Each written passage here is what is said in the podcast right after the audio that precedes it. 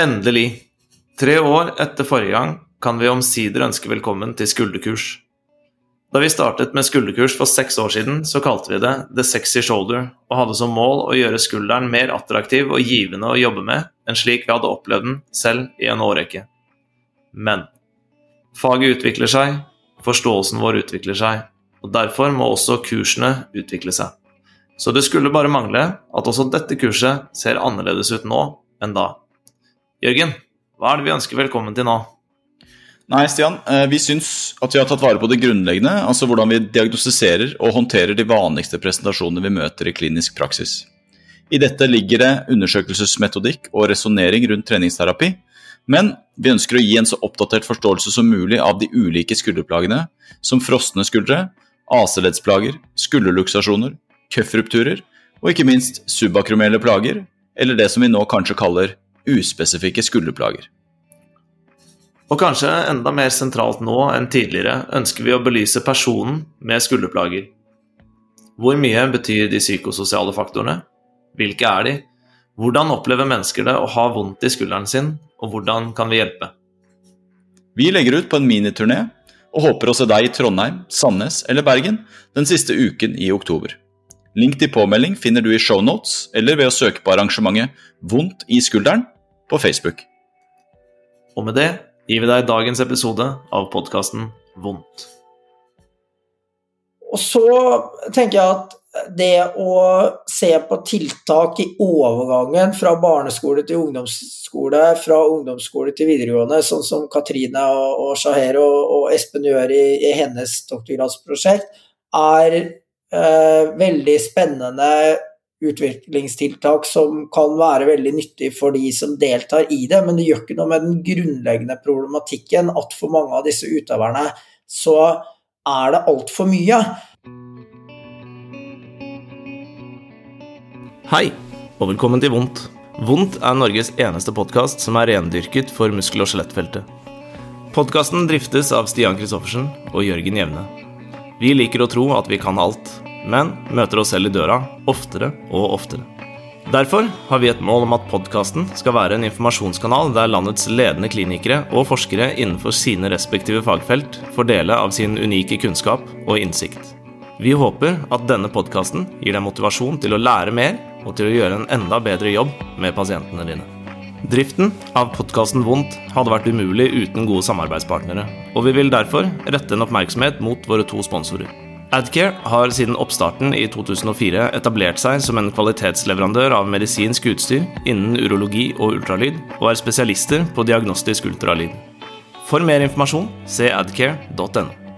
Fysika er et journalsystem som er skreddersydd for deg som jobber med muskel- og skjelettsystemet, og har siden lanseringen i 2012 etablert seg som det ledende journalsystemet for denne gruppen av behandlere i Norge. Fysika er optimalisert på en moderne plattform over mange år med kontinuerlig fokus på og målsetning om å lage det beste journalsystemet for sine kundegrupper. Som kunde har du også alltid fri tilgang til Fysika sin bransjeledende supporttjeneste. Hei og velkommen til en ny episode av podkasten Vondt. I dag så skal vi snakke med Christian Tue Bjørndal, fordi i episode 42, Gullungene, så brukte Svein Kristiansen metaforen om å stå i enden av vannslangen og moppe for å beskrive den kliniske hverdagen vi står i med unge idrettsutøvere.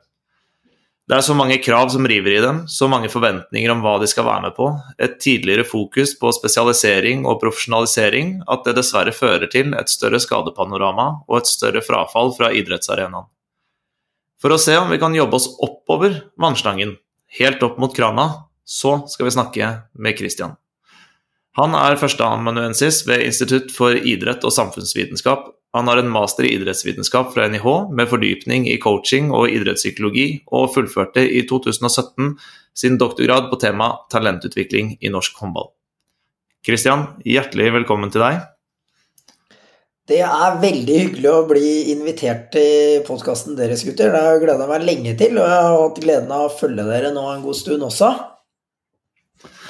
Det er godt å høre. Nesten litt, eh, nesten litt skremmende også. Men er, jeg syns det er veldig gøy at vi kan bringe litt flere fag, faggrener inn i muskel- og skjelettverden. Jeg tror det er, eh, det er et mangehodet beist som må belyses fra mange sider samtidig hvis vi skal klare å forstå det bedre og hjelpe bedre. Så hvis vi skal følge opp fra Gullungene-episoden som førte oss sammen, dette med tidlig spesialisering, tidligere skadepanorama, tidligere frafall, hvilke tanker eh, har du gjort deg om det?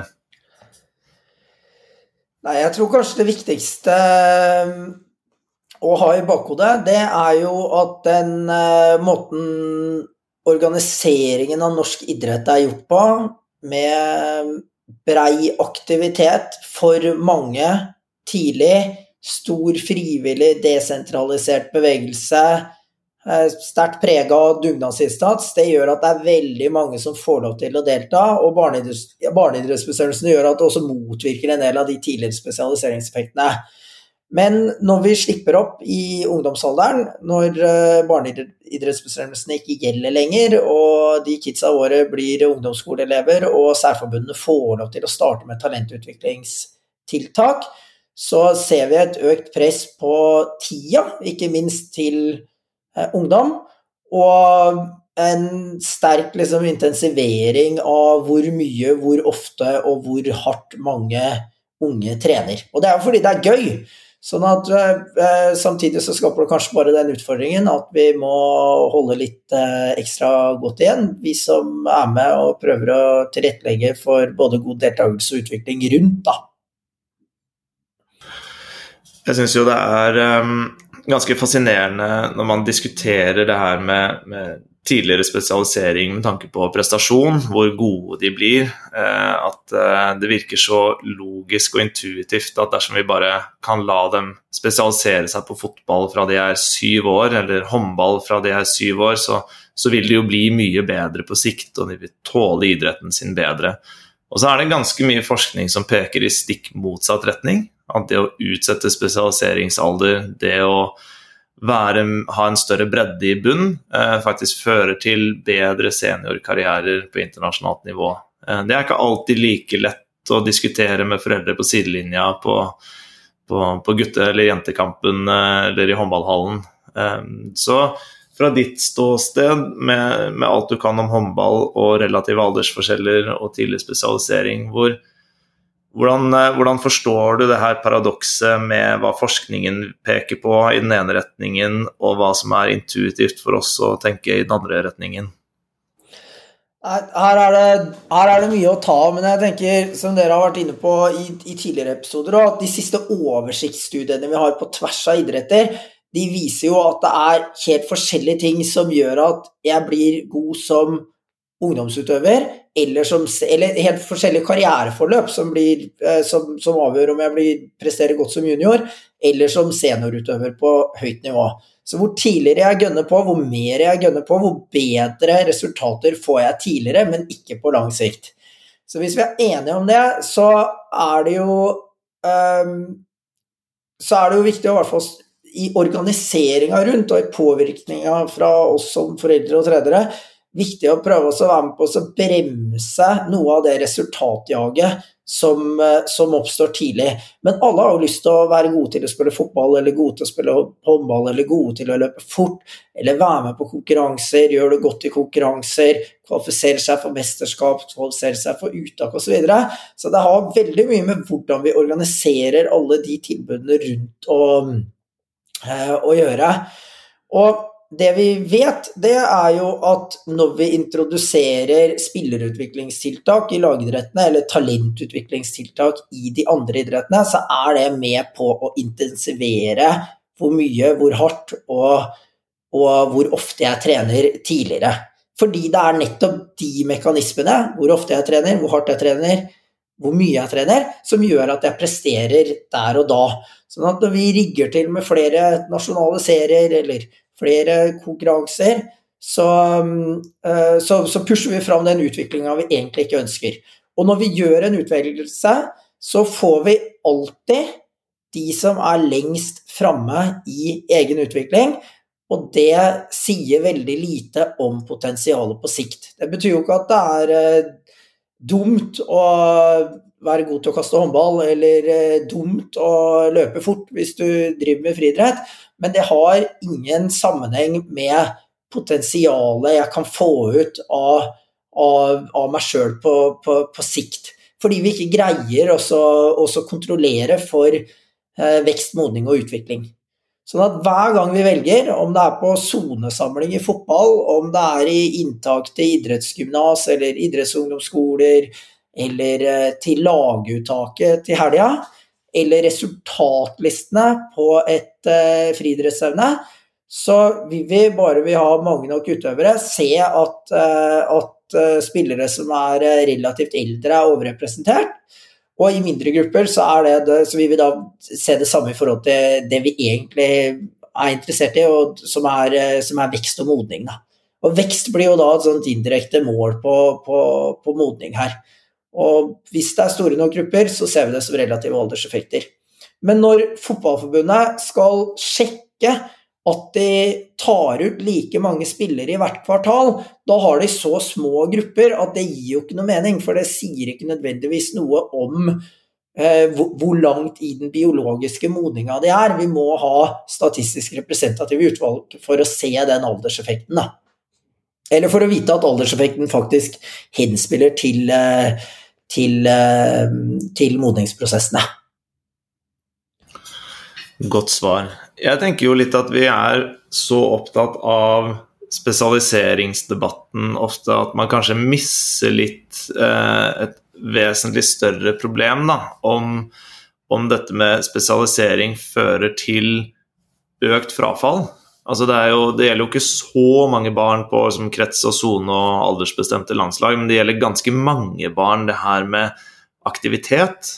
Og hvis det nå skal være sånn at barn bør være i, i fysisk litt intensiv aktivitet opp mot en, en, time hver dag, så er det jo de færreste som er, som er i nærheten av å oppfylle det kravet.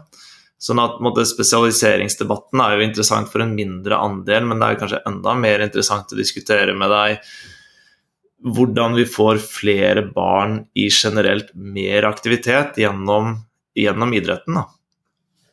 Og det, og det, sier jo litt om hvor fort man liksom begynner også Jeg må ta meg selv i det. ikke sant? Jeg begynner også å tenke talentutvikling eller spillerutvikling med en gang. Det er, det, det er en av de tingene jeg forsker på. Men det er jo bare en liten del som du sier, det er en veldig liten del av samfunnsoppdraget til idretten.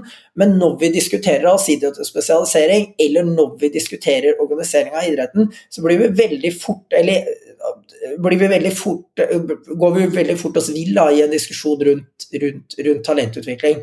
Um, men hvis vi skal ha to tanker i hodet samtidig, her, så, uh, så, kan vi jo tenke det at uh, ved, å ved å prøve å organisere oss bort fra det å drive for mye for hardt for fort, og det at vi er med hele tiden på å, å, å brenne opp under det, så vil vi ikke få dårligere eliteutøvere på sikt. Sånn at om jeg jobber på en toppidrettslinje, eller om jeg jobber i Olympiatoppen, eller om jeg jobber i Særidrettsforbundet, eller som landslagstrener, så trenger jeg ikke være bekymra for at dette kommer til å gå gærent fordi vi ikke brant kruttet raskt nok tidlig nok. Og hvis vi i tillegg greier å organisere oss bort fra det da, så vi, har vi et annet mulighetsrom for å skape en litt mer fleksibel barne- og ungdomsidrett. Og hvis den barne- og ungdomsidretten blir mer fleksibel, mer handlingsrom for de kidsa som deltar. Hvor mye, på hva slags måter, påvirkning på treningsinnhold, påvirkning på hvor mye og hva jeg er med på i ulike perioder, så kan vi jo tenke oss at den idretten blir mer inkluderende og treffer flere.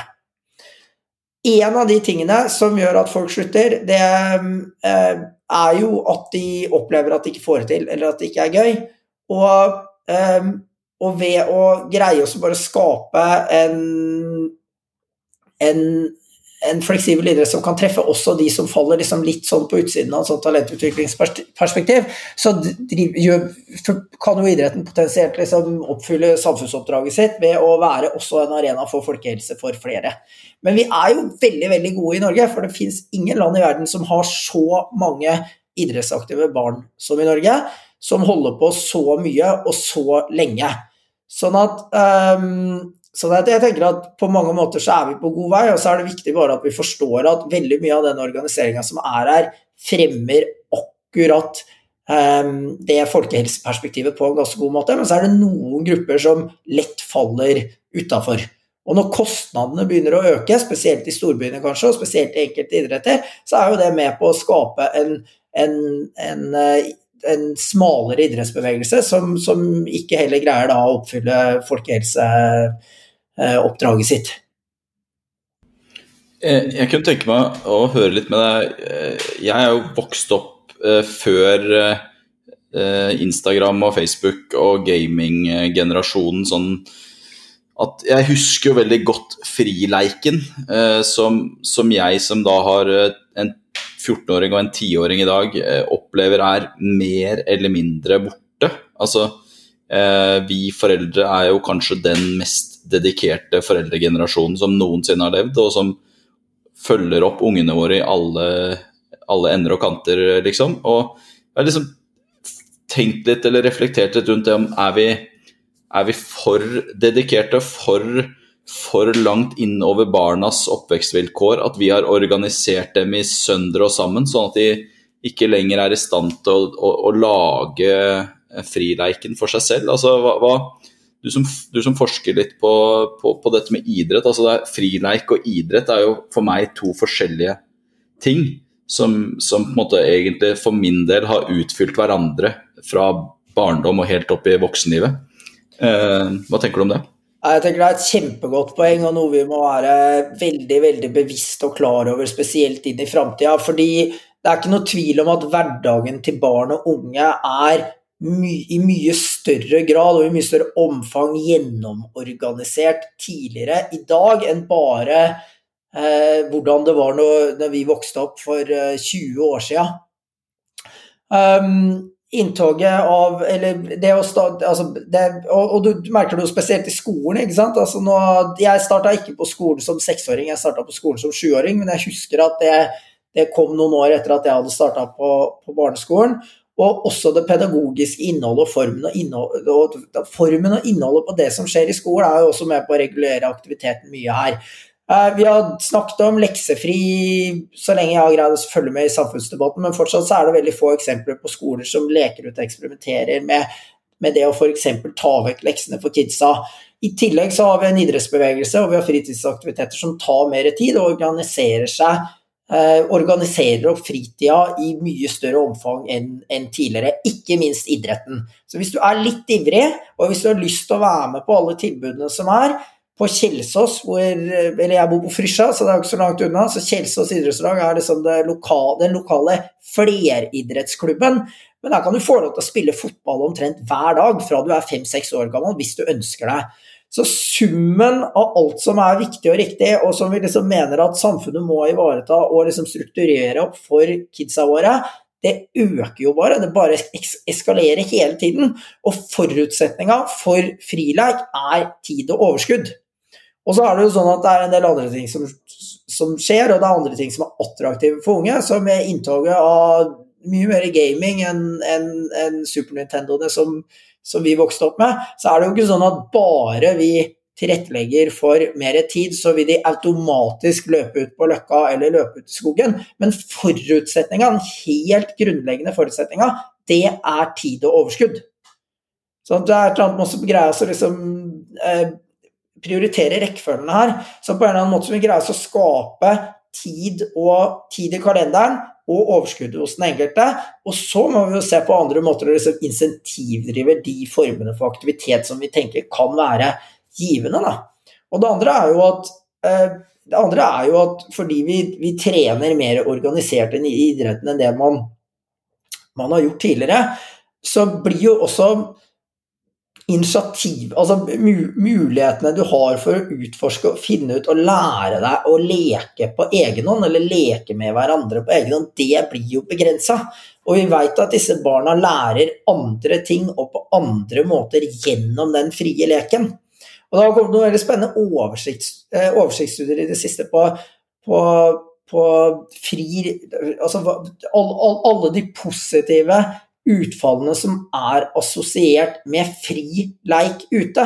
Og Det betyr også lek som er risikofylt, men ikke for risikofylt. ikke sant?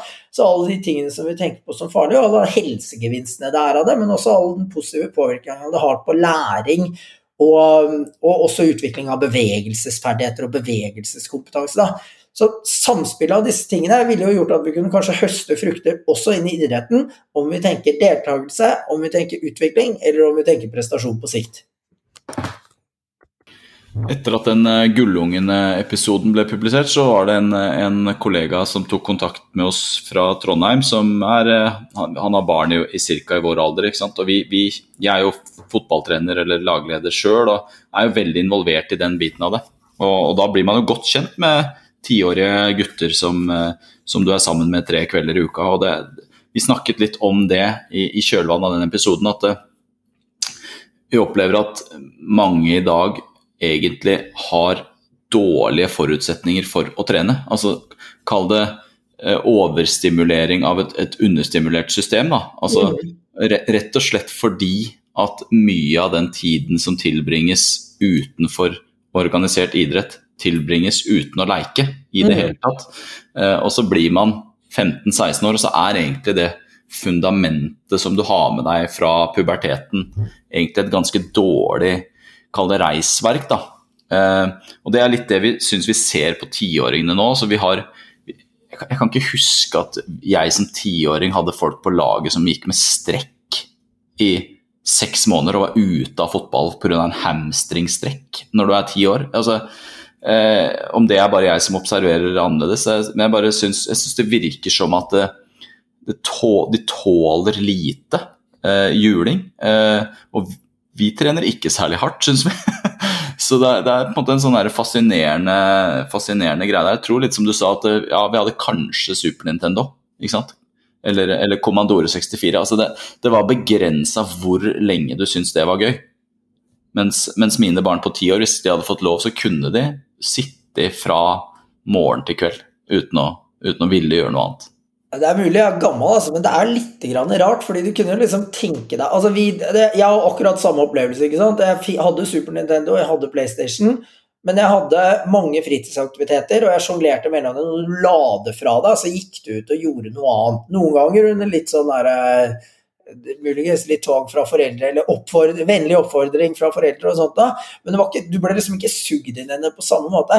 Men er det liksom bare det at gaminghverdagen, at spillene er så mye mer attraktive, eller er det det at, at de andre aktivitetene ikke er attraktive nok, eller at du får liksom sånne sosiale forsterkningsmekanismer der. Da. Men jeg tenker på en ting, og det er jo eh, bevegelseskompetansen i befolkninga, forstått som det man ofte kaller for fundamentale bevegelsesferdigheter, det er problematisk i seg sjøl, for vi kan alltid diskutere hva som er det, og hvordan det skal måles og testes og sånt. Da. Men hvis du, tester, du test, altså hvis du tester og måler barn på grunnleggende ferdigheter som løpe, hoppe, balanse, gripe, kaste og sånt, da, så, se en, så ser vi en trend i internasjonale studier at bevegelseskompetansen har gått ned fra besteforeldregenerasjonen vår til foreldregenerasjonen, og nå til den generasjonen som kommer. Og Det er jo ikke noe rart i at det får forsterkningseffekter inn i idretten. Og, og, og da kan du måle bevegelseskompetansen, eh, kanskje, men det du, ikke, det, du, det du ikke ser, som du var inne på, det er jo hva du Altså den, at du ikke lærer å leke. Eller du ikke lærer å organisere fritidsaktiviteter som ikke er foran en skjerm. Men når jeg ser på hun toåringen min og der vi bor på Frysja, så er det jo fullt av kids i bakgården hele tida. Det er som en sånn ferielandsby nede, nede i Spania. Det er kids som leker og hoier og heier og løper og klatrer og holder på. Sånn at min min litt sånn sofabetraktning der er jo at dette er jo ikke noe problem for de kidsa før de starter i skolen. Og så er det et eller annet som skjer i, i løpet av de årene hvor du starter i, eh, på barneskolen, som gjør at um, aktivitetsmønsteret på fritida endrer seg, og helt sikkert aktivitetsmønsteret på dagen også. Og skolen er jo under kritikk, den, kritikk og press, um, blant annet fordi den fremmer en form for stillesitting, den fremmer en form for gjennomstrukturering som er med på å kvele den naturlige leken. Og intensjonen når man introduserte skole for seksåringer, det var jo ikke å, å, at, at, man skulle leke mindre. Men det er det som skjer, da, ofte. Og med et større press på barnehagen også, på, på liksom rigge til pedagogiske planer som skal lære deg å regne og lese og holde på tidligere, så setter det et ytterligere press på, på mulighetene for ikke minst det med kroppslig utfoldelse, og alt du kan lære gjennom det. Da. Så det er jo en litt sånn snever utdanningspolitikk som også liksom er med på å, å fokusere liksom ressursene på og det å lære å lese og skrive, da, eller regne f.eks., som også går på bekostning av, av, av, de tingene vi er opptatt av når vi tenker eh, bevegelseskompetanse. Og mye på en gang. Det Vi snakker om alle de store tingene her. ikke sant? Så det er jo et eller annet med å forstå hvordan alle disse tingene spiller sammen og forsterker hverandre for å, for å forringe mulighetene for å drive aktivt med idrett, ikke minst. da. Jeg tenker jo det er veldig viktig at vi viser at det er et uh, mye større perspektiv her. At vi har jo en lei tendens til å prøve å, prøve å forenkle, forenkle, disse tingene. da. Sånn hvis man tenker idrettsskader at ja, nei, det bare å trene, trene systematisk styrketrening, så, så, reduserer du den skaderisikoen med 30-50% og så er det sånn Ja, men hvis du er fysisk aktiv én time i uka i tillegg til de to håndballtreningene du har, og det har vært din fysiske hverdag de siste tre-fire årene, så kan det hende at det er et større perspektiv man må ta, da, hvis man skal se hvordan vi faktisk kan, kan prøve å stoppe krana istedenfor å stå, stå, ved enden av slangen og, og moppe. Og det, det, jeg syns jeg ser det i på en måte ja, mine barn er 8 og 11, og nå har de kanskje én time gym på skolen. Hvor det egentlig virker ganske valgfritt om de deltar eller ikke. Så det vil jo bare bli en sånn survivorship-bias på at de som faktisk liker å være fysisk aktive, er det, og de som ikke er det, er det ingen som akkurat tvinger dem til å være det. Og så har de kanskje to treninger i uka hvis de går på en organisert aktivitet av én time hvis det er en halvtid.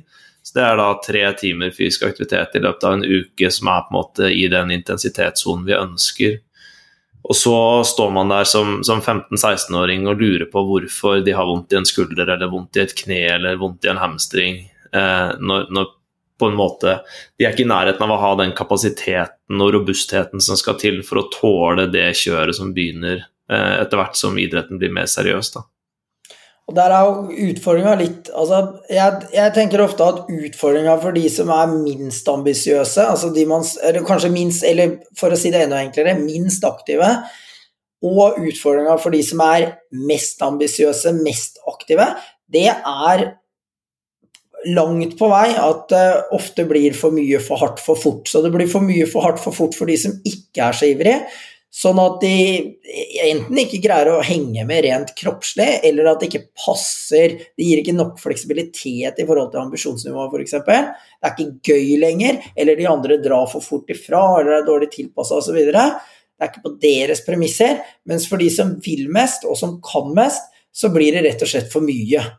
Sånn at det, er mulig at det er en sånn slags utopi, liksom, men det å hvert fall bygge mer fleksibilitet er helt sentral i ungdomsidretten hvis du skal greie å møte de ulike behovene som er, og behov som skifter hele tida.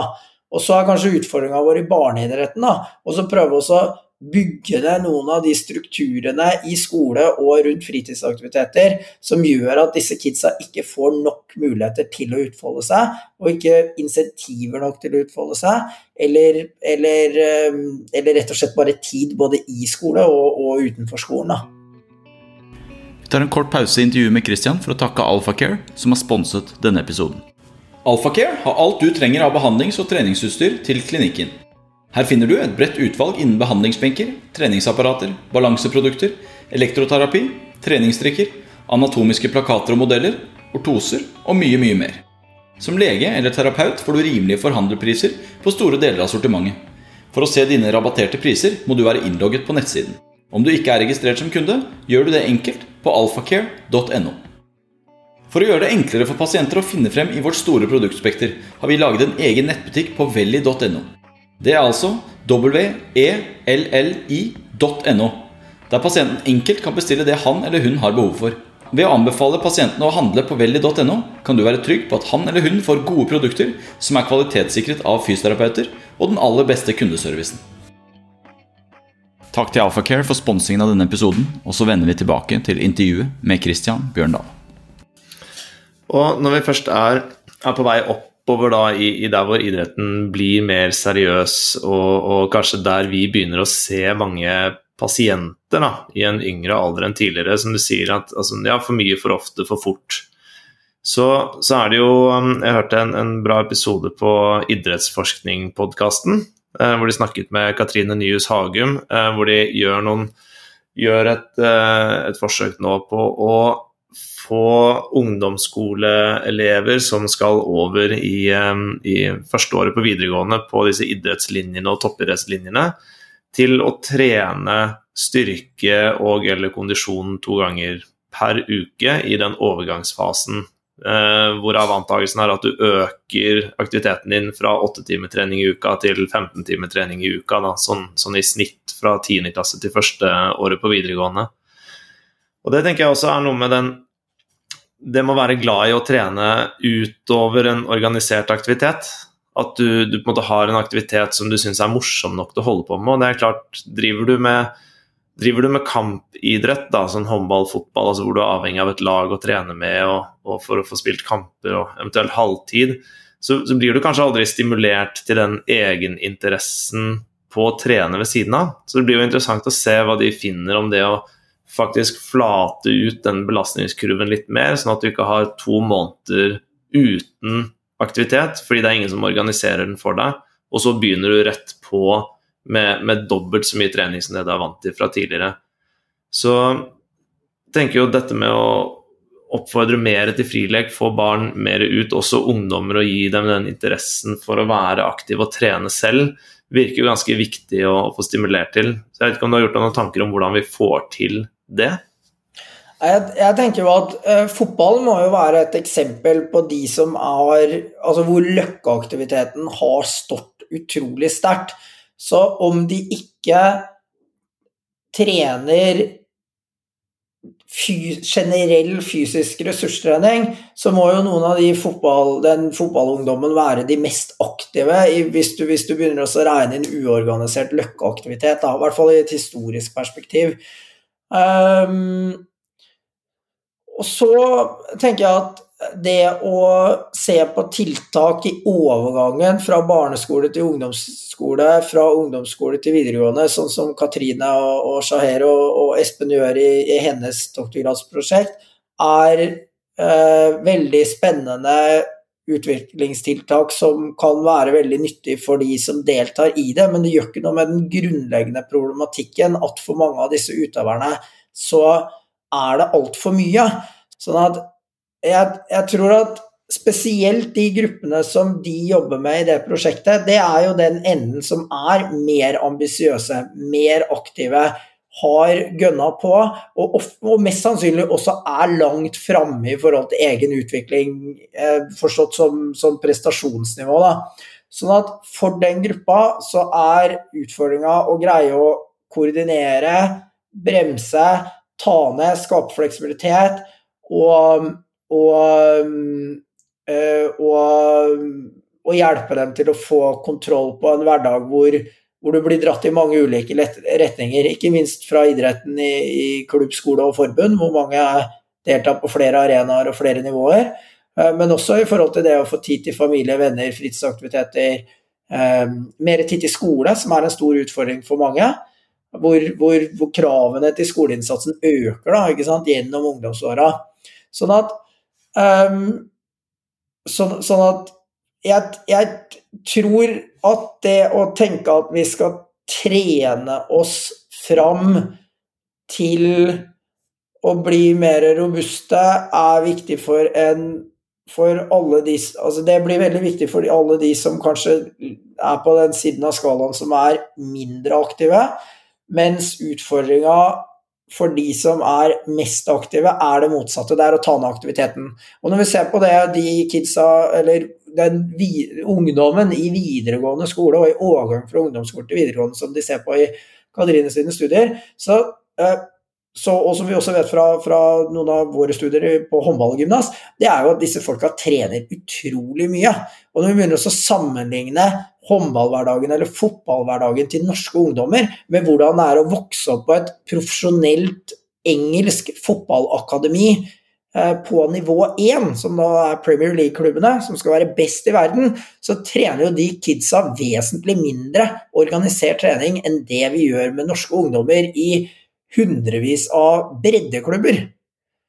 Sånn at det er en litt Det er en veldig sånn norsk eller, Jeg opplever det som en veldig sterk norsk kulturarv å være veldig fokusert på treningsmengde. Og fordi vi har mange aktører som er involvert, klubb, skole, forbund, på ulike nivåer, som er supert, fordi det skaper mange ulike veier og mange ulike måter å få en fin idrettshverdag på, Ehm, så er det vanskeligere å koordinere, og det genererer også mer aktivitet. Da.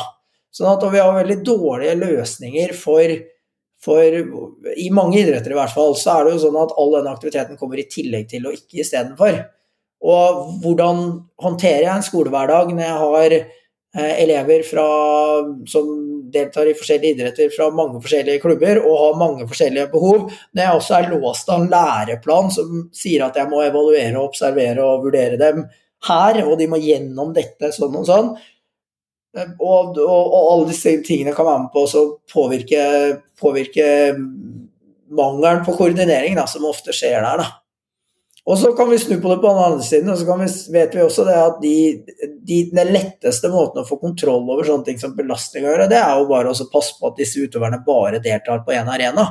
Men for veldig mange av disse utøverne så er det veldig positivt at de kan få øve på andre måter, eller få impulser fra andre personer i skole, eller på ulike lag i klubben, eller gjennom forbundsaktivitet på regionalt eller nasjonalt nivå og sånt. Da. Så det er jo ikke sånn at flere aktører, flere aktører har noen store positive konsekvenser, men det skaper også noen utfordringer. Og igjen så kjenner jeg jo liksom, nå blir vi jo veldig fokusert Jeg blir veldig fokusert på talentutvikling eller alt som skjer med de mange som liksom er involvert i sånne spillerutviklingstiltak. Så hva gjør vi med de andre, liksom? Men hvis vi ser på årsaker til frafall, da, for å dra ut det blant kids generelt, og jeg har gjort noen, en flott studie av det fra noen kollegaer av meg her oppe, Marlene Persson på Oslo Mett og, og Lars-Erik Espedalen her, så vet vi at årsakene til frafall de er ofte sammensatte, men de er også ofte helserelaterte. Selv om ikke skader og sykdom er direkte nødvendigvis noe du, direkte velger å slutte av, så er jo det noe som er med på å ødelegge, sånn at du mister ofte den sosiale tilhørigheten til gruppa eller til laget når du er ute, og alle de tingene påvirker motivasjonen negativt, som igjen øker risikoen for at du velger å finne på noe annet til slutt. Sånn at her er det mange ting som virker samtidig, men at idretten ikke er gøy lenger. Og tidspress er en av de tingene som oppgis oftest. Skal jeg være litt forsiktig, for jeg sitter ikke med de tallene rett foran meg, men eh, jeg mener at tids, tidspress og øk, økte krav til skoleinnsats der snakker du få kjønnsforskjeller, og, og, og ca. 30% av de som har slutta, oppgir det som en av årsakene, da, som ofte virker sammen med andre ting. Og hva skjer når du er pressa på tid da, pga. høyere krav til skole, eller mer reisevei, eller mindre søvn, eller mindre fritid og mer trening og sånt? da, jo, det er jo at stresset øker, og risikoen for idrettsskader øker, øker, igjen. Så det er man også bryte ned hvordan, hvordan risiko, altså De helserelaterte utfordringene her handler jo om veldig mye annet enn også treningsbelastninga eller konkurranseaktiviteten per se. da. Og der, der opplever jeg jo at vi og Det blir jo litt for å dra tilbake igjen til, til Gullungene og Svein sin metafor om, om vannslangen også, at vi som helsearbeidere som da står i enden av slangen, vi, vi er på en måte ikke opplært i å se på organiseringen av idrett, organiseringen av en hverdag, de sosiale kreftene som virker på unge utøvere. Vi er på en måte vant til å forholde oss til den vekstsona eller den sena eller den muskelen og den vondten de kommer med. Og så tar vi Det, det er på en måte mer utfordrende for oss, tror jeg, fordi vi ikke er vant til å gjøre det. Det å ta den praten her da, med, en, med en ung utøver, med en mm. trener, med foreldrene. Eh, fysioterapeuter som hentes inn som ansvarlig på lag, blir jo sånn du skal, bare, du skal, bare, fikse de tingene som er vondt underveis. Det er veldig liten tid for en spiller, nesten uansett eh, alder og nivå nå, å sette sette seg ned med en fysioterapeut på, på, laget da, og så prate om hvordan skolehverdagen og reiseveien og, og, at det er dritt på hjemmebane faktisk påvirker helsa di og prestasjonen din, så blir det så forenklet fremstilt at sånn jo, jo, men det er vi bare styrer treningsbelastningen litt sånn, og så gjør vi de styrkeøvelsene der, og så, så er det, det er løsningen, da. Så dette er et vanskelig spørsmål, men, men har du gjort deg noen tanker om liksom, hvordan, hvordan, klarer vi å kommunisere dette, ikke nødvendigvis bare én til én, men også, også, ut i større kanaler, da, sånn at man får et større fokus på det?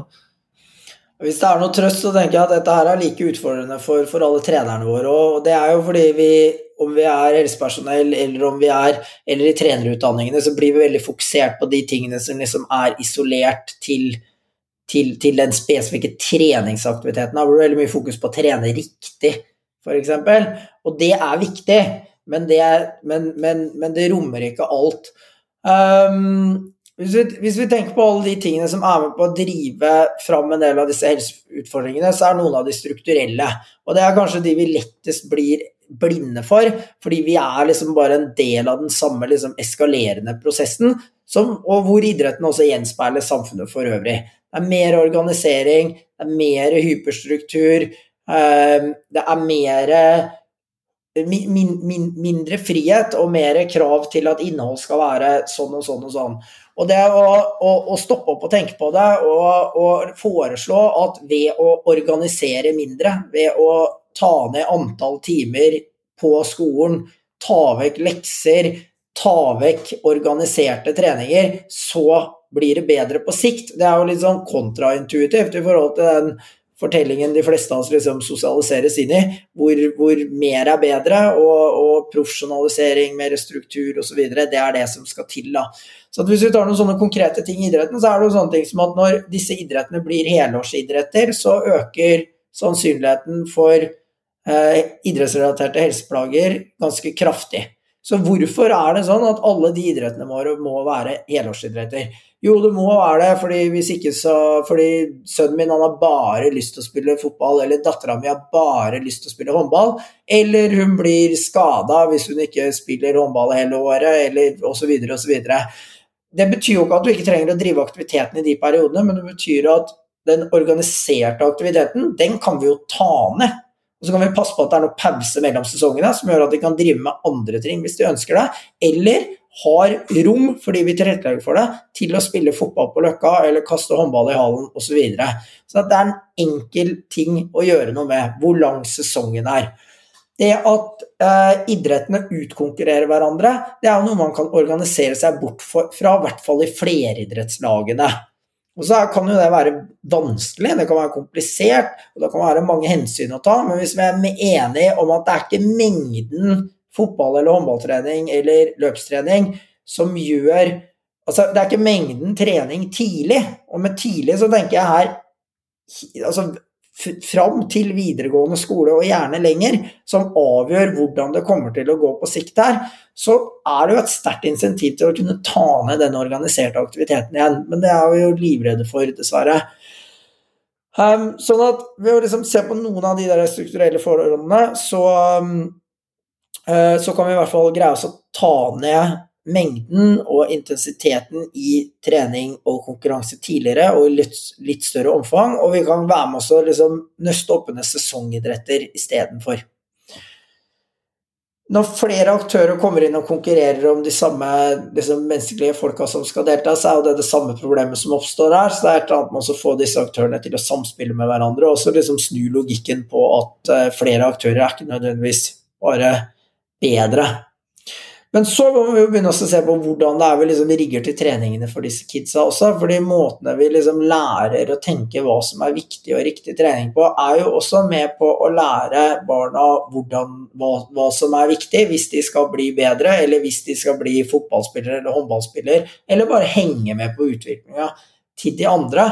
Så det å greie å åpne opp den aktiviteten på en måte også som gir mer spillerom til eh, til, eh, til kidsa sjæl. Til det som er gøy, og det som skifter, eller de, de, skiftende interessene for hva som er gøy i fotball, håndballtreninga eller på friidretten. Det er også viktig å lære trenere som skal ut der og, og jobbe med barn og unge. Og i, eh, i altså Måtene vi trener fotball på i Norge, er jo annerledes enn måtene man lærer å spille fotball på i Sør-Amerika, f.eks. Både i form av mer organisert versus mer uorganisert aktivitet, hvilke ferdigheter som vektlegges, og hvordan en trening er organisert, og hvordan det øves. Og vi er, som andre vesteuropeiske land, på den enden av skalaen som handler om mer struktur, mer isolert trening, og mer fokus på en sånn normativ idé om ferdighetsutvikling enn en mer sånn løssluppen, lekbetont, fri, uorgan... Mer min, mindre organisert aktivitet. Da. Og det ser vi på tvers av idretter.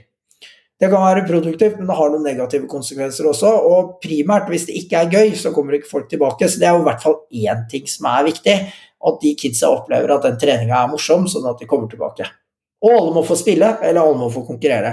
Og Greier vi de to tingene, så kommer vi ganske langt i forhold til å nøste opp under prosesser som liksom er med på å bidra til økt motivasjon. Og nå skal jeg snart holde kjeft, men jeg kom på én ting til, og det er liksom en av de tingene vi glemmer når vi snakker om liksom treningsbelastning, konkurranse. da. Og så må man ta seg den viktigste tingen som gjør at disse kidsa kommer tilbake, om de er 8, 10, 12, 14, 16 år, det er jo det sosiale limet i laget eller treningsgruppa. Og hvis det ikke eksisterer, så går det så, så, så, så stopper det på et eller annet tidspunkt, og ofte ganske fort. Sånn at, annen, altså, sånn at det ved å bare greie å nøste oppunder en sterk sosial tilhørighet og vennskapene som skapes og formes gjennom idrettsdeltakelsen, så får vi utrolig mye gratis. Og i ungdomsidretten greier vi å passe på at de er friske i tillegg, så kan vi også være med på å beskytte en del av, av de eh, de faktorene som er med på, på å, å, å, passe på at motivasjonskvaliteten er høy. Eh, og mm, nå tenkte jeg at jeg skulle være stille, men skulle bare si én siste ting. Vi har studert, sett dette på, på videregående elever på toppomvalglinjer. Så gjorde vi en liten, spennende greie for noen år siden hvor vi greier oss å vise at de kidsa som er skada, eller så alvorlig skada at de opplever at det påvirker deltakelse eller prestasjon i trening og kamp, da krasjer også den opplevde kompetansen veldig fort. Og den opplevde kompetansen er viktig for at de skal ha høy motivasjonskvalitet og komme tilbake igjen i morgen og fortsette med dette her over tid. Og det er jo ikke så rart det at du opplever det hvis du går korsbåndskala gjennom ett år eller ett og et halvt år, og de andre er litt lenger framme når du kommer tilbake, men dette krasjer fra uke til uke. Så hvor raskt de endringene skjer, det var ganske overraskende. Og det andre som krasjer, det er sosial tilhørighet. Så med en gang disse kidsa er skada, selv om du kan stå på en Bosu-ball på sida, så mister du det fellesskapet idretten kan tilby. Så Hvis vi greier å holde dem friske, hvis vi greier å ivareta det sosiale fellesskapet, hvis vi greier å gjøre treninger og aktivitet morsomme, og passe på at det ikke blir altfor mye, da er vi et langt steg i riktig retning, i hvert fall. Ti kroner til deg, Stian, hvis du husker det opprinnelige spørsmålet. Kristian gjør det enkelt for oss på poden i dag, ja, i hvert fall helt sikkert. Eh, jeg hadde fire spørsmål som jeg har glemt, og så kom jeg på et, eh, et nytt eh, nå. Jeg synes jo, altså vi er jo, jeg, regner med at vi tre som sitter her er prinsipielt enig i de store linjene, og det er jeg i hvert fall. Og jeg syns jo det er, det er litt Det jeg tenker litt her nå når vi snakker om dette, her, er jo litt sånn jeg har det når jeg leser akademisk forskning òg. Altså veien fra kunnskap til praksis er bare uh, utrolig vanskelig noen ganger. Når du sitter med den pasienten foran deg med en meniskskade, og så vet du de og de studiene, og så skal du på en måte implementere det. og Det er litt sånn jeg føler det her òg, fordi uh, lokalt her, da, som jeg kjenner best, så er det jo de mest ivrige fedrene som er trenere. Det er de mest ivrige fedrene og mødrene som er uh, sportslig leder og, og, og, fysiske trenere og organisatorer og bla, bla, bla, bla. bla. Og her også er det jo prinsipielt delt opp i halvårsidretter. At fotball er sommerhalvår, håndball er vinterhalvår, eksempelvis. Men det er jo flere aspekter i det der. fordi Eh, jeg har én sønn som er veldig glad i sport, og som driver med eh, gjerne så mange han kan. Eh, og så har jeg en som på en måte nå har kun håndballen igjen. Og, og da er jo prinsipielt er jo jeg som fagperson enig i at det, det bør være halvårsidretter.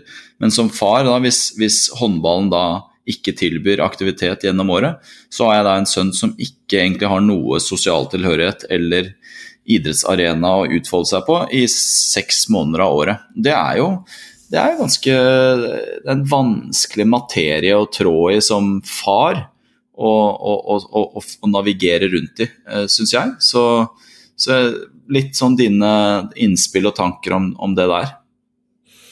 Jeg tenker at det er et helt reelt dilemma som jeg, jeg, som jeg ikke har, har, noe godt svar på.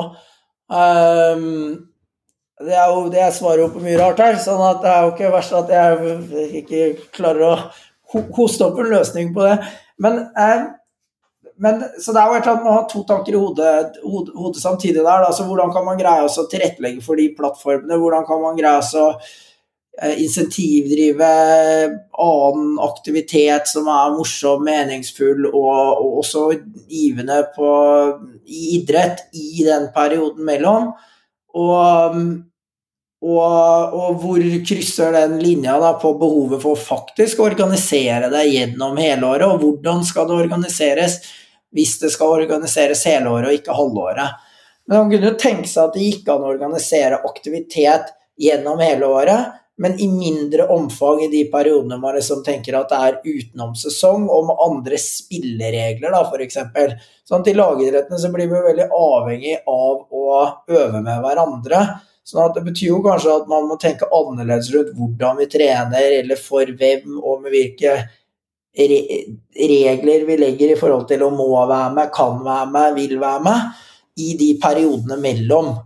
Sånn at kanskje um, ideen om halvårs sesongbaserte idretter handler om den konkurransespesifikke aktiviteten, men ikke nødvendigvis gjør at at, eh, at, aktivitet imellom ikke kan organiseres. Da. Men du kunne tenke deg at dette er en utfordring som fleridrettslagene kan løse på en mye bedre måte enn særidrettslagene, fordi de har flere ressurser og de kan tilby andre former for opplegg. Både fordi du kan drive med andre ting på sommeren enn på vinteren eller høsten enn på våren, men også fordi eh, men, men, også holde i gang i, i særidretten gjennom sesongen hvis det er mulighet for det. Så jeg tenker som, som veldig mye annet, at så blir det jo ikke et enten-eller-spørsmål, men det er der utfordringa ligger. Så det er på en eller annen måte så må vi liksom ha, ha ivrige folk som, som, som, ønsker å ta i den materien. Da.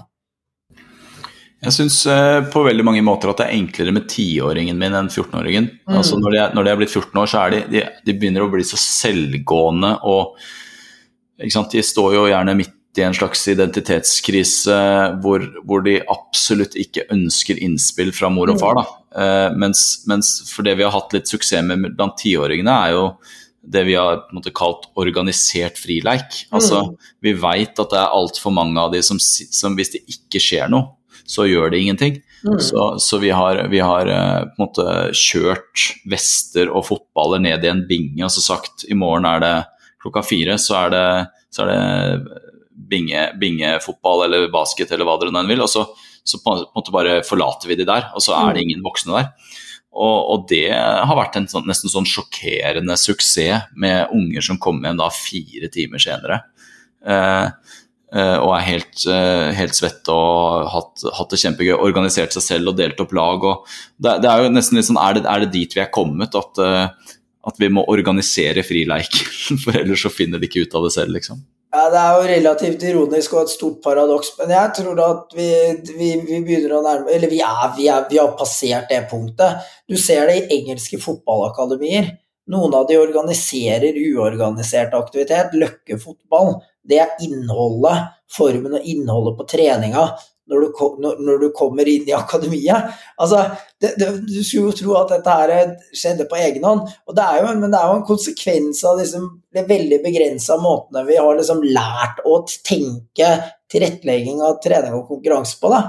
Um, spørsmålet som er spennende, er jo da hva skjer med de tiåringene når de er 14? Har den måten å organisere aktiviteten på lært de også selv å organisere aktivitet på en måte som gjør at flere av dem i litt større grad også velger den type aktivitet foran andre ting. Og det er jo lov å være litt naiv optimist og håpe at det er det som kommer til å skje. At de ikke bare blir fanga av andre ting. Men det andre er kanskje det å tenke at også at de, det at man famler litt rundt i de ungdomsåra, trenger ikke være um, Eller er også en naturlig del av de tilblivelsesprosessene, fra barn til voksen. Sånn at det at ikke alt følger en form, vår idé om en slags liksom, normativ, lineær utvikling det er kanskje ikke så farlig. Uh, og så er jo den vanskelige vurderinga i praksis da, det er jo at det er lett å si dette her, og, og, og vanskeligere å finne de balansepunktene. da. Men, men vi er jo Vi er jo um, vi, vi, vi, faller fort tilbake til en sånn til en sånn autopilot hvor løsninga vår på alt blir å bare, orga, bare organisere mer og håpe at, vi, håpe at det treffer.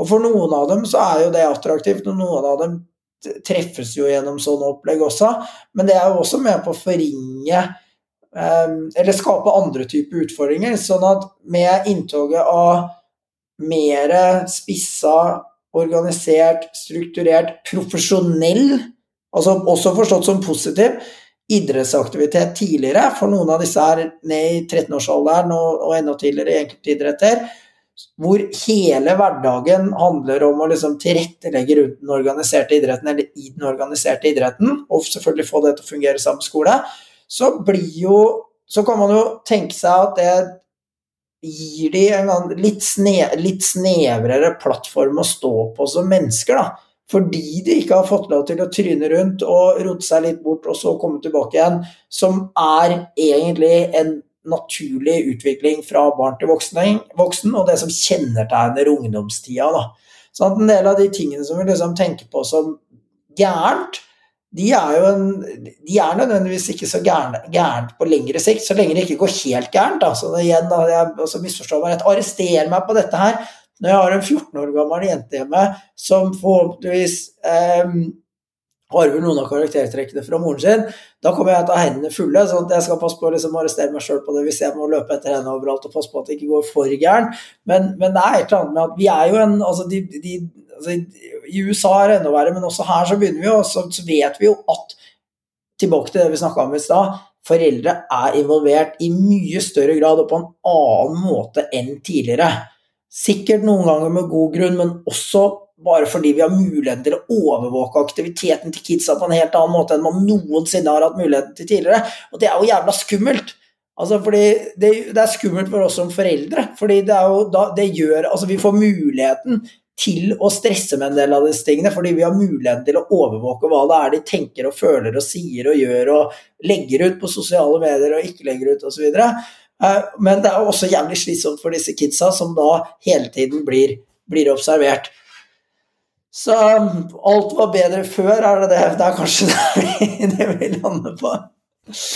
Jeg tenker jo i hvert fall dette med å, å, å ha en erkjennelse om at man har disse wicked learning environments og du har kind learning environments. Og verden er utvilsomt et wicked learning environment. Og så de aller, aller fleste idretter er det samme. Rammene kan godt hende at det er noenlunde der, reglene er der, men hva som skjer innenfor de rammene vil være ganske forskjellig. Og det at vi egentlig prøver å gjøre treningene så organiserte og profesjonaliserte at du, du dytter inn i et veldig sånn snilt læringsmiljø. da som, som, egentlig ikke setter deg i stand til å håndtere situasjoner som ikke kommer inn i det snille miljøet. På samme måte som det å være på Løkka og bli grisetakla, og så må du løse opp i den konflikten sjæl, eh, som et eksempel, eller alle andre ting som er en hvor du bruker idrettsarenaen som en læringsarena også for, for livet generelt. Um, så det at mye ligger i overorganiseringen. Eh, altså måten vi organiserer idretten på, eh, er jeg helt enig i. Og når vi også overorganiserer den, så blir det jo stilt mye større krav til hva de ungene faktisk får på trening. Mange idretter er jo dugnadsbasert, så du er foreldretrenere, sånn som Jørgen og jeg kan være, og det kan være andre idretter hvor du har profesjonelle trenere med masterutdanning fra England for, for syv-åtteåringene som er ivrige på å drive, drive en idrett. Eh, jeg er usikker på om svaret på å løfte fram både gode utøvere og la idretten ivareta det folkehelseoppdraget den har, er å profesjonalisere trenere inn i, i barneidretten. Men det er mulig at du har gjort deg noen andre tanker om det? Jeg føler jeg står i en sånn slags spagat der, da, både profesjonelt og, og, og personlig, egentlig. Fordi eh, jeg har stort sett hatt alle roller i, i praksis eh, rundt det å være trener for barn og unge som det går an å ha. Og er så heldig at jeg sitter her oppe og, og jobber også med trenerutdanning til, til daglig.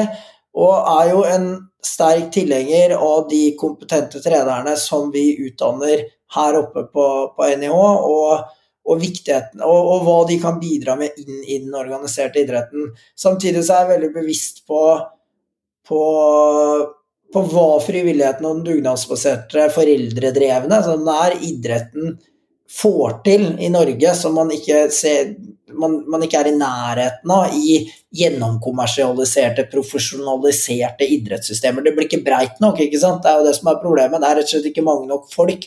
sånn at da blir det så stor forskjell om du er med på et breddetilbud eller et elitetilbud. Um, så Men, men jeg, jeg, altså det er, det er, vi må ha to tanker i hodet samtidig. Sånn at um, de og jeg kan primært snakke for de som kommer liksom fra universitets- og høyskolesektoren her.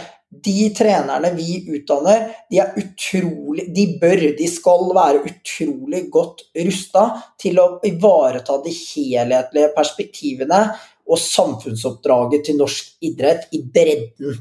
Altså Det betyr at de må kunne greie å håndtere alle de utfordringene som de mest ivrige og de minst ivrige har, på én gang. De er bedre rusta til det enn gjennom kursutdanning i forbund, som stort sett fokuserer på hvilke øvelser du skal gjøre på hvilket alderstrinn for å få til dette eller dette eller dette. Så det er noe helt annet. Det er at Man må greie å sortere det. Hvis jeg kan få flere av de folka ut i norsk organisert idrett på en måte som er med på å støtte frivilligheten, så tror jeg vi har kommet langt på vei. Og det betyr at vi vi, vi, at, at målsettinga kan ikke være å erstatte den frivillige, ivrige foreldretreneren, men å supplere det på en god måte. Jeg sitter som styremedlem i, i, i min moderhåndballklubb i Moss, som er en sånn middels håndballklubb. Ikke utrolig godt organisert, og som står i mange av disse utfordringene. Min drøm, mitt drømmescenario der, det er jo også greie å ha noen profesjonelle, én eller to profesjonelle trenere som kan være med på å hjelpe det store foreldrekorpset som egentlig er motoren i hverdagsaktiviteten fra dag til dag. Sånn at, eh, men det jeg er vant til fra de håndballklubbene jeg jobbet i, eller, eller eh, andre idrettsorganisasjoner, det er jo at når vi har penger, så ansetter vi en trener på det laget eller til det formålet, osv. Så, videre. så det er at man ser hvordan vi liksom kan spre den kompetansen på på en, eh, på en, annen måte, og uten at det driver kostnadene. Um, det har vært veldig mye fokus i norsk idrett de siste, siste, året, siste årene på hvordan kostnadene i enkelte idretter og enkelte områder er med på å liksom ekskludere barn og unge fra idretten. Og det er jo helt krise hvis idretten skal, skal, skal løse samfunnsoppdraget sitt. Men men hvorfor vi ikke har en diskusjon rundt hvordan det offentlige kan være med på å faktisk sikre mer kompetanse inn i disse organisasjonene, retta mot barn og unge, ikke retta mot talentutvikling, men retta mot det breie samfunnsoppdraget til norsk idrett, den har vært nesten helt fraværende. Sånn at vi har politikere som hakker ned på alle initiativ som enten er private, kommersielle eller, eller i en eller annen form eh, er med på å Eller koster penger. Eh, men vi har ingen løsninger på andre sida. Og løsningen er ofte, eller det som blir ofte, ofte, blir gjort, er jo at vi setter i gang prosjekter for å rekruttere flere jenter med innvandrerbakgrunn, eller flere fra det miljøet, eller flere fra det miljøet. Og så har de Men så kvalitetssikrer vi ikke innholdet eller, eller, det de kommer til når de faktisk deltar i den organiserte idretten. Så hvorfor skal det ikke gå an å søke på midler øremerka til barn og unge, og som selvfølgelig da kommer med, kommer med et premiss om at det må levere på et samfunnsoppdrag som handler om eh, helse, eh, det å skape inkludering, mangfold, sosial tilhørighet og et godt oppvekstmiljø for disse kidsa. Det må kunne gå an å bidra med, med penger til. Det må være attraktivt for politikere. For hvor flere vi har i idretten lenger, og hvor bredere vi treffer, hvor mer spin-off-effekter får vi i både et helseperspektiv og i, på mange andre områder fra å ha folk med i idretten lenge. Så tenker jeg jo at på en eh, podkast om eh, muskel- og skjelettplager, eh, hvor folk sitter i samme situasjon som Jørgen og meg ofte, inne på et rom og er klinikere, eller at man kanskje jobber litt frivillig inn mot det lokale idrettslaget, eller om man bare er idrettsforeldre, så tenker man at 'this is above my pay grade'. Men det handler jo i veldig stor grad om å gjøre det som var utgangspunktet for denne praten, og hvordan er det vi klatrer oss nærmere den krana, sånn at vi slipper å stå om oppe. Og jeg tror at om du er idrettsforelder, om du er en fysio som er med i et lag på dugnad, eller om du sitter med enkeltutøvere og deres foreldre inne på et kontor, så har måte, alle en, en, rolle i det å få fram det budskapet her. Da. Om for mye, for ofte, for fort, om totalbelastningen, om generell inaktivitet utover det organiserte tilbudet. Altså, desto mer vi klarer å liksom, sementere det budskapet, da, istedenfor å stå der og moppe, så er, har jeg jo også håp om at vi kan eh, nærme oss, nærme oss den krana, selv om det sånn umiddelbart bare føles ut som dette er, jo, dette er jo langt utover det jeg kan bidra med i min, min rolle. Dette får politikerne og de som sitter og forsker på det, sånn som deg, Kristian, ordne opp i. Men jeg er ganske sikker på at vi kan ta vår del av ansvaret der, vi også. Absolutt, men det tror jeg på mange måter at man gjør. Og det var jo interessant når, når Svein Kristiansen sa det forrige gang også, at, at, at, og det rører litt ved dette her med kompetansefrivillighet. Fordi, fordi, idretten er så frivillighetsbasert, så er det også forventa at du skal levere på kompetanse på frivillig basis. Og hvor den grensa går, er litt viktig å trekke opp både personlig og faglig. Da. Sånn at det er jo et eller annet med altså det er jo Politikerne kan ikke unn... Altså, jeg opplever at en del av de politikerne som ytrer seg om idrett, de unnskyld... Altså, de, de, de bruker økte kostnader som en unnskyldning for å ikke ta sin del av ansvaret det er for å faktisk bygge opp under kompetanse som kan, eh, som kan sikre oppvekstvilkårene på en god måte. Da. Så jeg tenker at Vi må adressere politikere, vi skal være tøffere på å adressere politikerne, og vi må være tøffere på å adressere beslutningstagerne. Folkebevegelsen norsk idrett er, og ønske, og også den liksom politiske bevisstheten det norske folk mener at idretten eller hvordan idretten og den norske befolkningen mener at idretten også bør ta et politisk ansvar, er jo, er jo, et slags momentum vi kan bruke i forhold til å skape endringer her. Om det er i forhold til helse, om det er i forhold til, til uh, internasjonal politikk eller korrupsjon eller, eller, eller, whatever. Sånn at det er en um, det er, det er, liksom på tide å få disse beslutningstakerne på banen. og Nå kjenner jeg at jeg roter meg bort litt, men en annen ting som gjør at en del av disse tingene er vanskelig, er jo at særforbundene, og spesielt de store særforbundene, har jo stor, eh, auto, stor høy grad av autonomi til å organisere oppleggene sine på, på, de måtene de selv ønsker. Og de er viktige å få på banen, fordi Norges idrettsforbund sentralt de står jo for en policy og en, og en slags helhet i det de presenterer, som, som, er med på å treffe mange av disse tingene samtidig, mens særforbundene blir ofte, spesielt kanskje noen av de veldig retta mot talentutvikling. Da. Og når de organiserer seg på en måte som gjør at talentutvikling og idrett for alle blir to forskjellige policyområder, sånn som du ser i Fotballforbundet, i hvert fall hvis du ser på organisasjonskartet, så er jo det med på å kanskje slå beina under noe av det helt unike med den norske idrettsmodellen, hvor vi har alle innafor den samme, samme, samme organiseringa lenge. Så litt tilbake til noe annet igjen. Altså jeg tenker at er, vi, stå, vi, kommer til å stå, både trenere og helsearbeidere kommer til å stå og moppe en god stund til, men det er noen av disse strukturelle tingene det i hvert fall går an å få gjort noe med på relativt, eh, relativt kort sikt. Da. Tar vi vekk en del av insentiv, så er det å finne balansepunktet mellom å insentivdrive det å trene mye, holde på mye, synes det er gøy å kunne bli bedre, utvikle seg, konkurrere osv.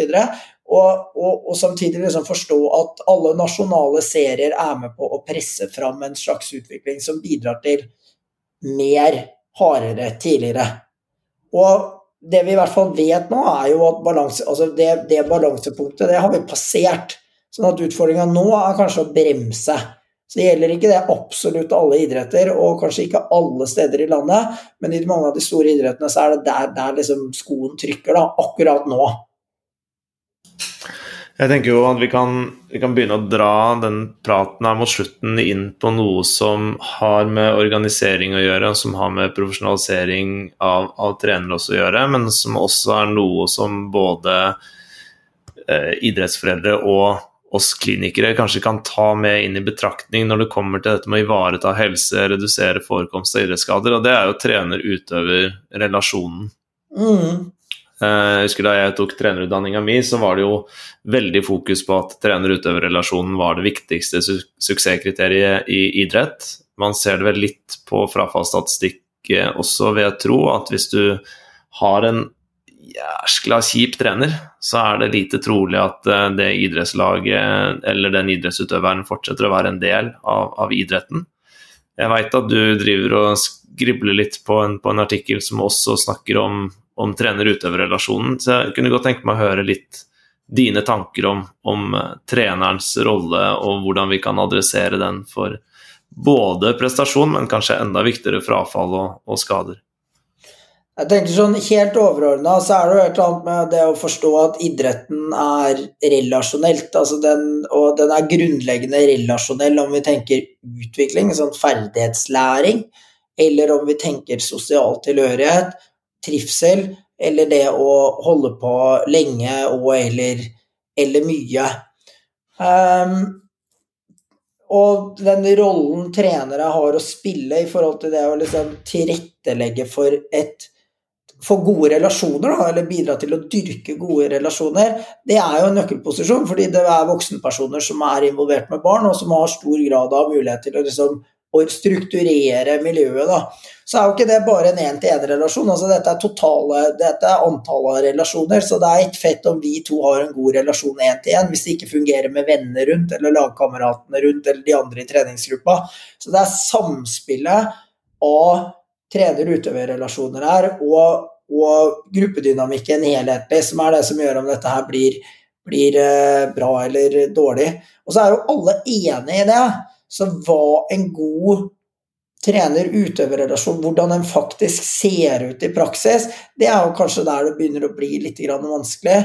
Um, det, vi, det vi faktisk kan studere, det er jo hvordan treneres gode intensjoner eller ønsker eller interesser og behov noen ganger får utilsikta konsekvenser for de utøverne vi jobber med. For de som utøver, så er du veldig bevisst på hva som skal til for å greie å eh, ta neste steg, eller være med på neste laguttak, eller være med på neste samling osv. Så sånn at det å Det å virkelig greie å sette utøveren i sentrum på en måte som gir handlingsrom, ikke minst i forhold til ting som også er relatert til, som kan være med på å dempe risiko for skader eller overbelastning eller sykdom, eller, det, eller trivsel og motivasjon, det, er, eh, eh, det krever liksom genuin innlevelse i de kidsa vi jobber med, og ikke en idé om hva som er riktig og viktig,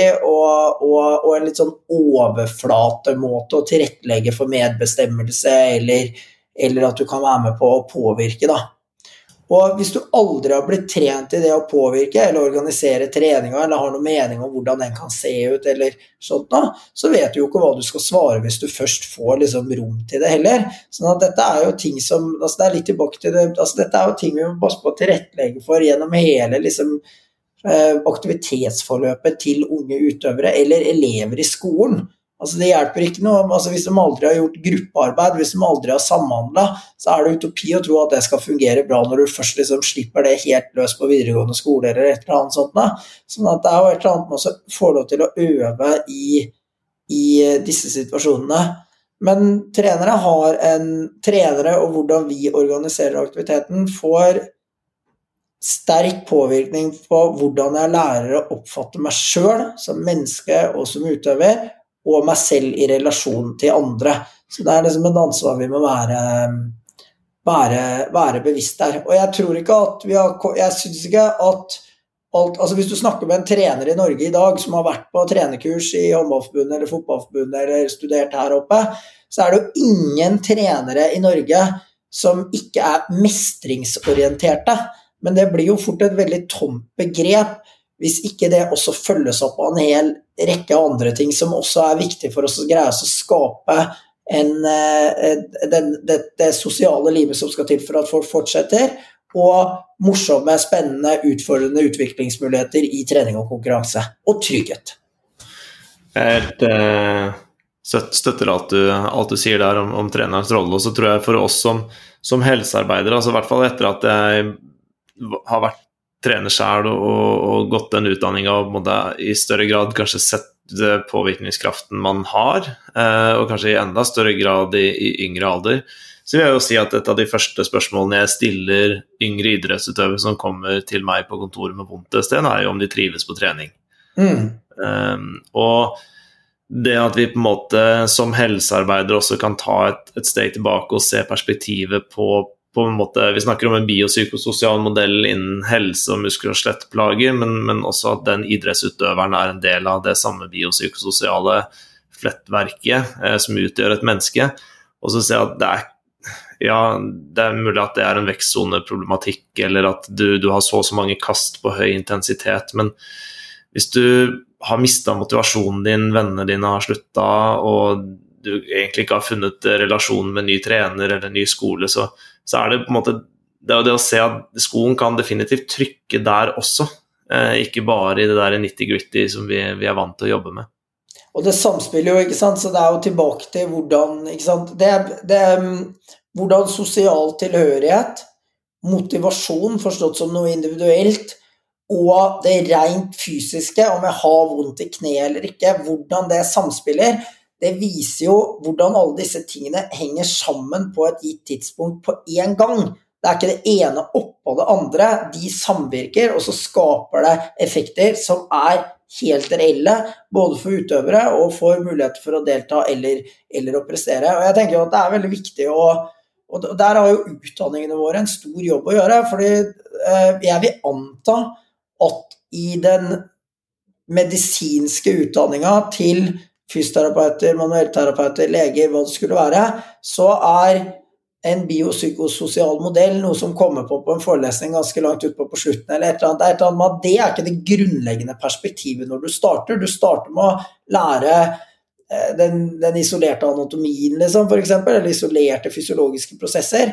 Og så er det liksom det at alt henger sammen med alt. Det er noe du liksom skal legge på på slutten. Jeg kjenner jo idrettsfagene våre godt. Når du starter å studere på Norges idrettshøgskole, så er det første du lærer, det er jo eh, treningslæra, som du da lærer at er, består altså, det, Hvor du lærer å dele opp en idrett i ulike arbeidskrav. Og alle disse arbeidskravene de er jo sånn vi organiserer instituttene våre her rundt, ikke sant? faglig sett, i siloer. Mens det at alt henger sammen med alt, det er noe du liksom skal lære på femteåret ditt på masteren og begynner liksom å prøve å reflektere rundt da. Jeg tenker at det er en grunnleggende det er en grunnleggende for jobber, utfordring for oss som jobber med kunnskapsutvikling. er å snu på det, sånn at vi kan begynne å jobbe i det som er helhet fra start og ikke et sånn tilleggselement vi legger på på slutten. Og hvordan det kommer til å se ut. Og bare det å greie å tenke helhetlig og integrert, for så å kunne forstå de enkelte delene, det er for meg en sånn ganske av... Altså det, er, det er en viktig distinksjon for meg, da. Og, og, det sosiale er liksom ofte også noe som liksom legges på på slutten. Men alt vi driver med er grunnleggende sosialt, fordi det skjer i samspill med hverandre i den virkelige verden.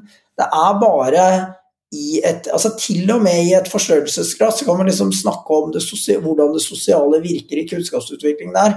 Men, men, i hvert fall på idrettsarenaen så er alt sosialt til enhver tid. Samtidig så er det jo sånn at disse tingene er også kroppslige. Sånn at det nytter ikke å forstå de sosiale mekanismene isolert, fordi disse tingene påvirkes de påvirker kroppen, og kroppen påvirker de igjen. Sånn at vi må ha flere tanker i hodet samtidig, og, og, og utdanningene våre og hvordan de er rigga for, for viktige følgefeil eller konsekvenser for det. da. Og det å forstå den helheten, det er definitivt ikke above my pay grade, eller noen av oss andre som jobber i helse. Det er vel en, en nødvendighet for å, for å, gjøre jobben vår enda bedre. Jeg tror vi skal um, slutte å oppta mer av eh, tiden din uh, i dag, Kristian. Det har vært en uh, super lærerik prat. Takk for at du tok deg tid og ville dele. Det setter vi stor pris på. Takk for at dere ville ha meg. Så skal jeg hvile stemmen min og håpe at jeg blir invitert tilbake igjen seinere. Jeg jeg tror, vi, skal sette av en fire-fem episoder på et par timer neste år til å dekke alt vi kan gjøre sammen. Eh, tusen takk for i dag, Kristian. Vi snakkes igjen snart.